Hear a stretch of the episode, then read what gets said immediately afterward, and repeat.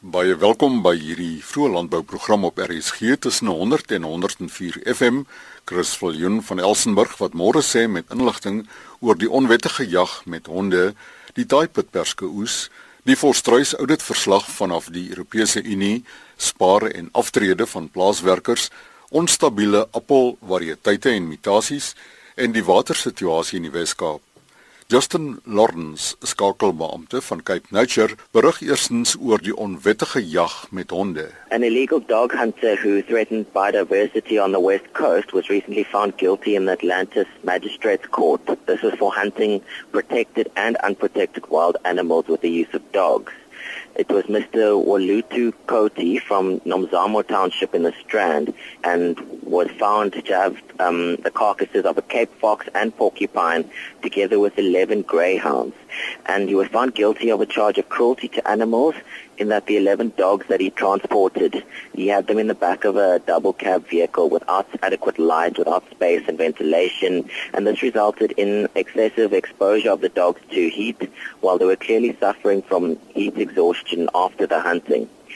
So he was sentenced to two years direct imprisonment, and this was suspended for five years, and he was given a fine of 20,000 rand or a further two years in prison, of which half of which is suspended for five years.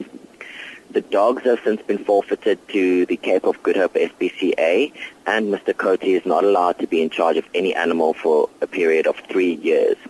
The successful prosecution, it is a, a, great example of the success that can be obtained through the cooperation between the community, between SAPS, the City of Cape Town, the SPCA, um, Cape Nature, and the prosecutors at the Atlantis Magistrates Court. It's only with the assistance of these partnerships between all the role players that we can ensure the conservation of the province's biodiversity.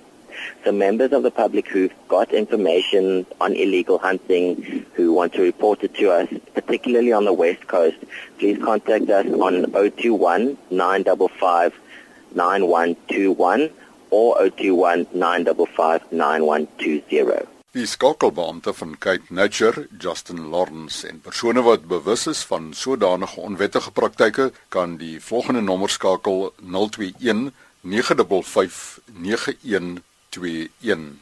Wion Victor is die hoofuitvoerende beampte van die Inmaakvrugte Produsente Vereniging. Ons wil by hom weet hoe van jaar se perske en appelkoosoes verloop. Die tipe perske oes is nou by die 60% eh, mac uh, wat oesbedrywighede betref uh, wat aanvanklik na 'n rekordoes gelyk het, kwyn nou in tonnemaat as gevolg van die droogte. En nou is dit vir ons baie duidelik dat ons 'n baie kleiner oes as verlede jaar gaan hê. 8 na 10% af op skatting en dit maak dat die tonnemaat ook dan nou besig is om af te kom. Die gehalte is baie goed. Ons het geen insekbeskadiging nie. Ons het geen verval of verrotting nie. En dit is ook maar deels as gevolg van die droogte.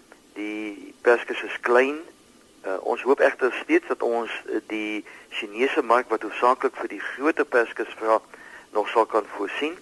Wat die perske puree mark betref uh, dink ek dat ons nou die onderste draaipunt bereik het.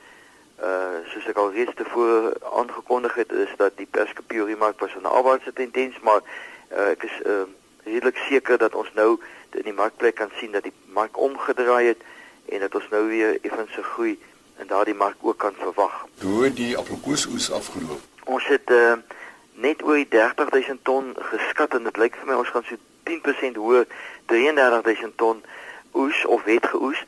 En daar is nou net mooi die teenoorgestelde as by die tydperk. Daai mark is so so gunstig. Ons het baie goeie prysverhogings gekry in die in die appelkoosmark. Die hoofuitvoerende beampte van die inmaakvrugteprodusente vereniging, Wian Victor, Die langverwagte auditverslag van die Europese Unie is deur die Nasionale Departement van Landbou, Bosbou en Visserye ontvang. Hulle het nou 25 dae grasie om op die verslag te reageer. Die hoofuitvoerende beampte van die Suid-Afrikaanse Volstruis Besigheidskamer, Piet Klein. Die oomblik probeer al die eh, partye wat nou belang hierby het, insette lewer aan DEF om uh, die die reaksie wat nodig is op hierdie verslag om dit af te handel.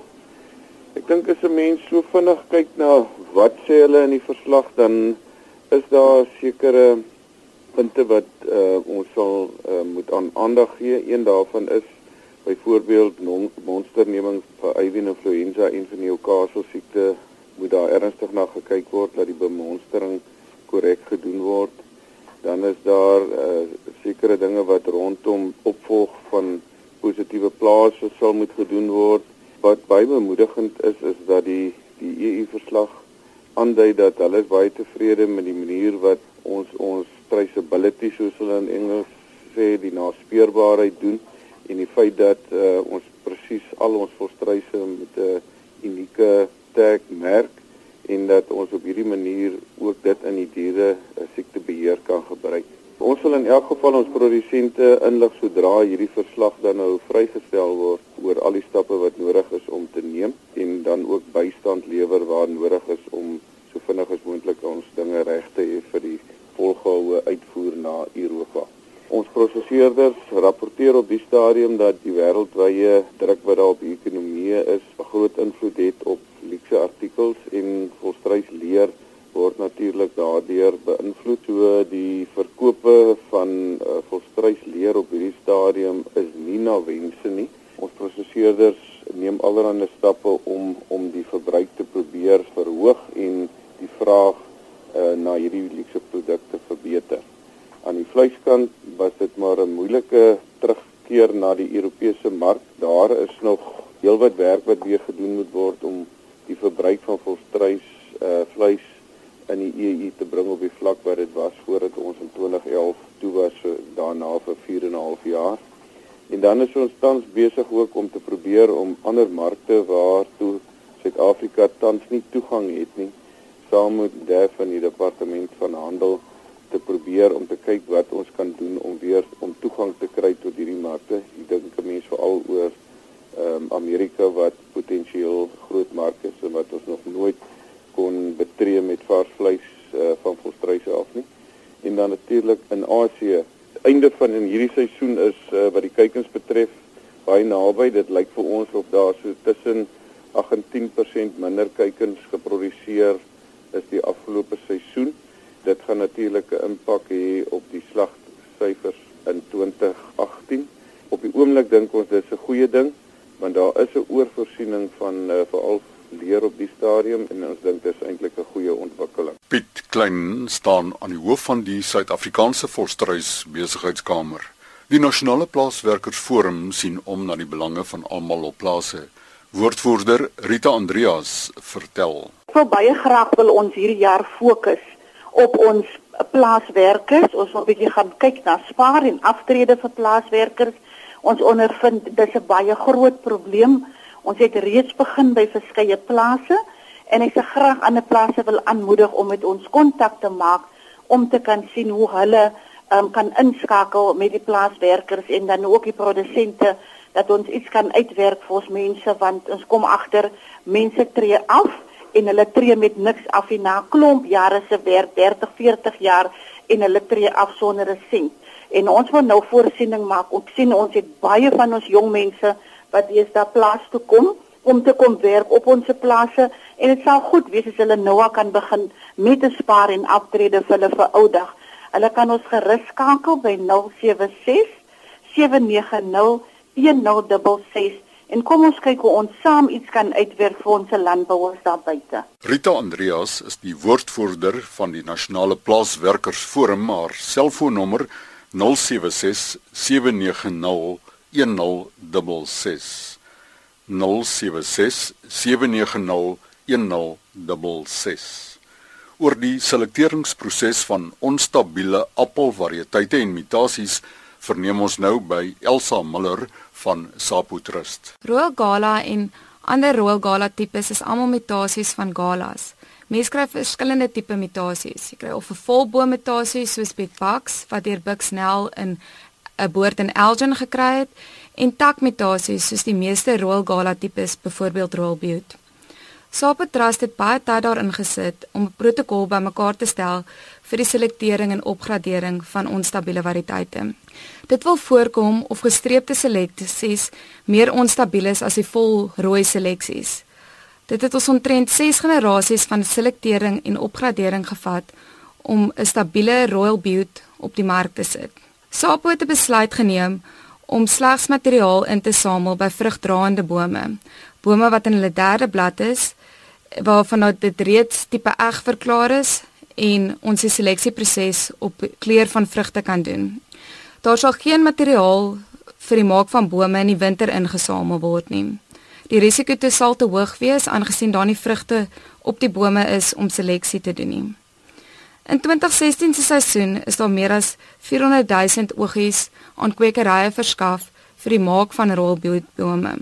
Ons glo ons is daarom op die regte pad, maar kwekerye en produsente moet weet dat daar nog steeds 'n risiko is met die plant en maak van onstabiele variëteite.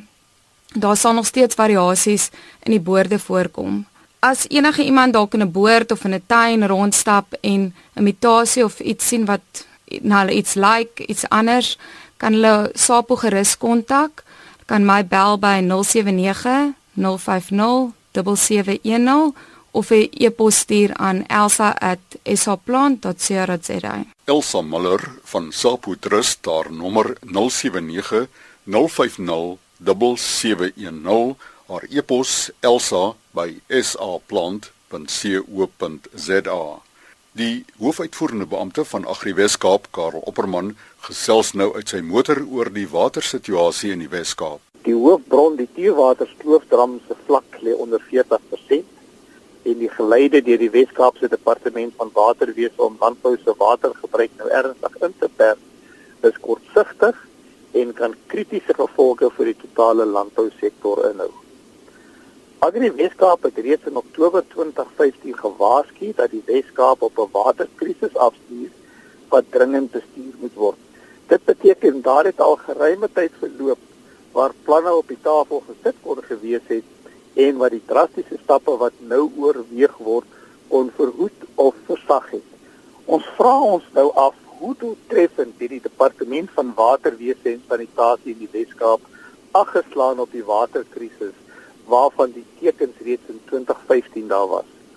Hoe ernstig was die departement om planne te maak en om seker te maak dat hidrodata wat vir vooruitskattingsmodelle gebruik is op datum was ter wille van doeltreffende bestuur?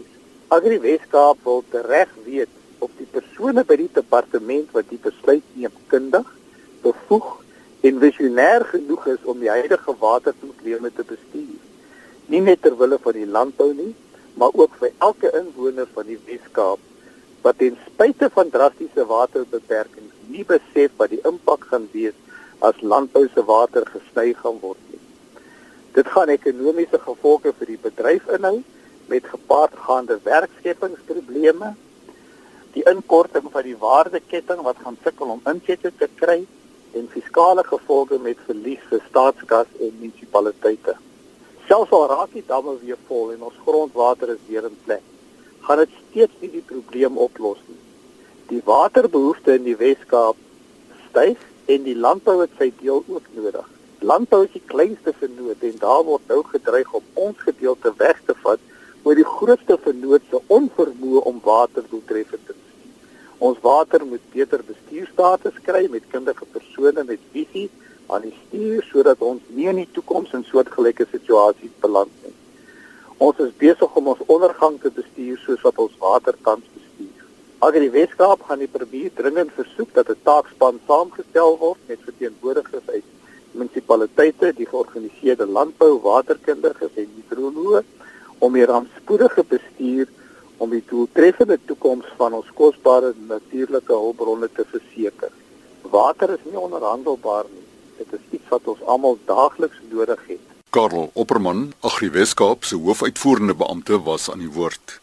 En net voor ons groet in môreoggend se program om kort voor 12 besoek ons die hoofkantoor van die NWKV in die Baai. Kyk veral na die skeer uh, deel van die kode uh, as ook na die predasie bestuurs uh, hoofstuk in die kode om dit bietjie op te dateer en ook met internasionale standaarde in lyn te bring. Ek dink intedeel Suid-Afrika se kode van beste praktyke is self strenger as wat sekere internasionale standaarde dit daar stel. En ek dink dit is vir ons belangrik dat produsente bewus daarvan is dat hierdie kode van beste praktyke die basis vorm van ons uitvoer en van ons bemarking van ons wol in die buiteland.